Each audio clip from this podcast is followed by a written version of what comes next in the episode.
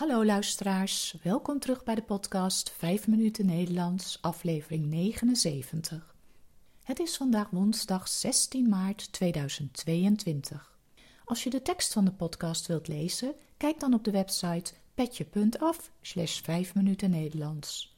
Als je de teksten van eerdere podcasts wilt ontvangen of vragen hebt, stuur dan een e-mail naar 5minutennl.gmail.com. Mijn naam is Carolien, ik ben taaldocent op de universiteit en woon in Leiden. In deze podcast vertel ik iets over mijn leven, over wat ik de afgelopen dagen heb beleefd of iets over de Nederlandse taal en cultuur. Aflevering 79. Een gratis lunchconcert. Weet je dat je regelmatig gratis een lunchconcert kunt bijwonen in het concertgebouw in Amsterdam? Bijna iedere week organiseert het concertgebouw om half één een gratis lunchconcert. Soms kun je naar een concert in de kleine zaal en soms woon je een repetitie van het Koninklijk Concertgebouworkest bij in de grote zaal. Dan bof je. Er zijn allerlei soorten concerten, van klassieke en romantische muziek tot een meer modern repertoire. Dus voor ieder wat wils. Vaak is pas kort van tevoren bekend wat voor soort muziek gespeeld gaat worden. De lunchconcerten vonden vroeger altijd op woensdag plaats, maar tegenwoordig kan de dag variëren. Op de website kun je zien wanneer de lunchconcerten plaatsvinden. Zorg wel dat je op tijd kaartjes bestelt, want anders vis je achter het net.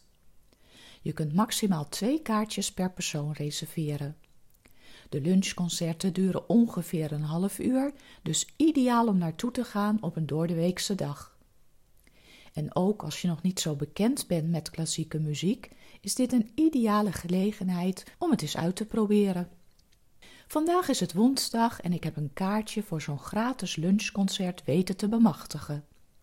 Het is mooi weer en ik loop in het voorjaarszonnetje door de Van Baarlestraat. Voor de ingang van het concertgebouw hebben zich al veel mensen verzameld. Sommigen hebben een plekje gevonden op een bankje in de zon, anderen staan al in de rij. De deuren gaan open en langzaam beweegt iedereen zich naar binnen.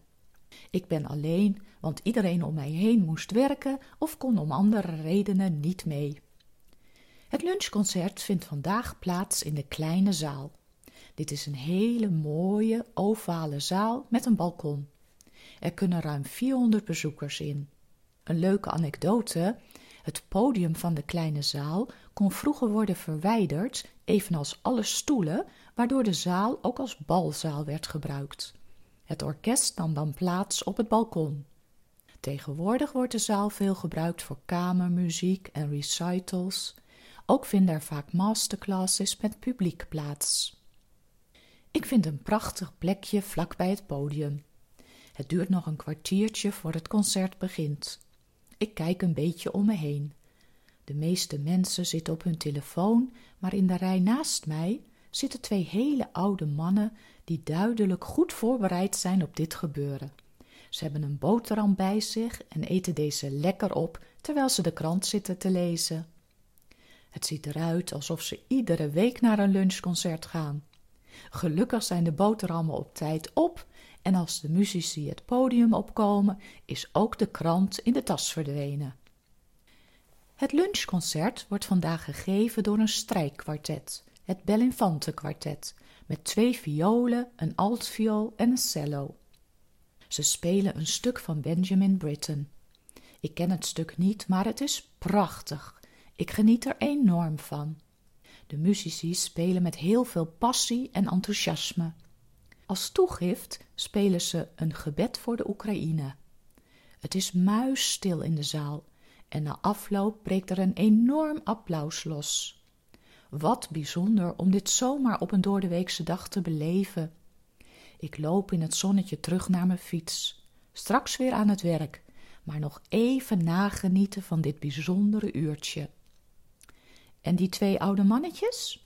Eén ervan zat tijdens het concert met zijn ogen dicht te knikkenbollen. Zal hij in slaap gevallen zijn? Of zat hij gewoon heel aandachtig te luisteren? Ik geef hem het voordeel van de twijfel en houd het op het laatste. Als ik binnenkort weer eens naar een lunchconcert ga, zal ik goed opletten of ik ze allebei weer zie zitten met hun boterham en krantje. Dit was het weer voor vandaag. Veel dank voor het luisteren. Ik wens jullie een hele fijne week en tot de volgende keer. Dag!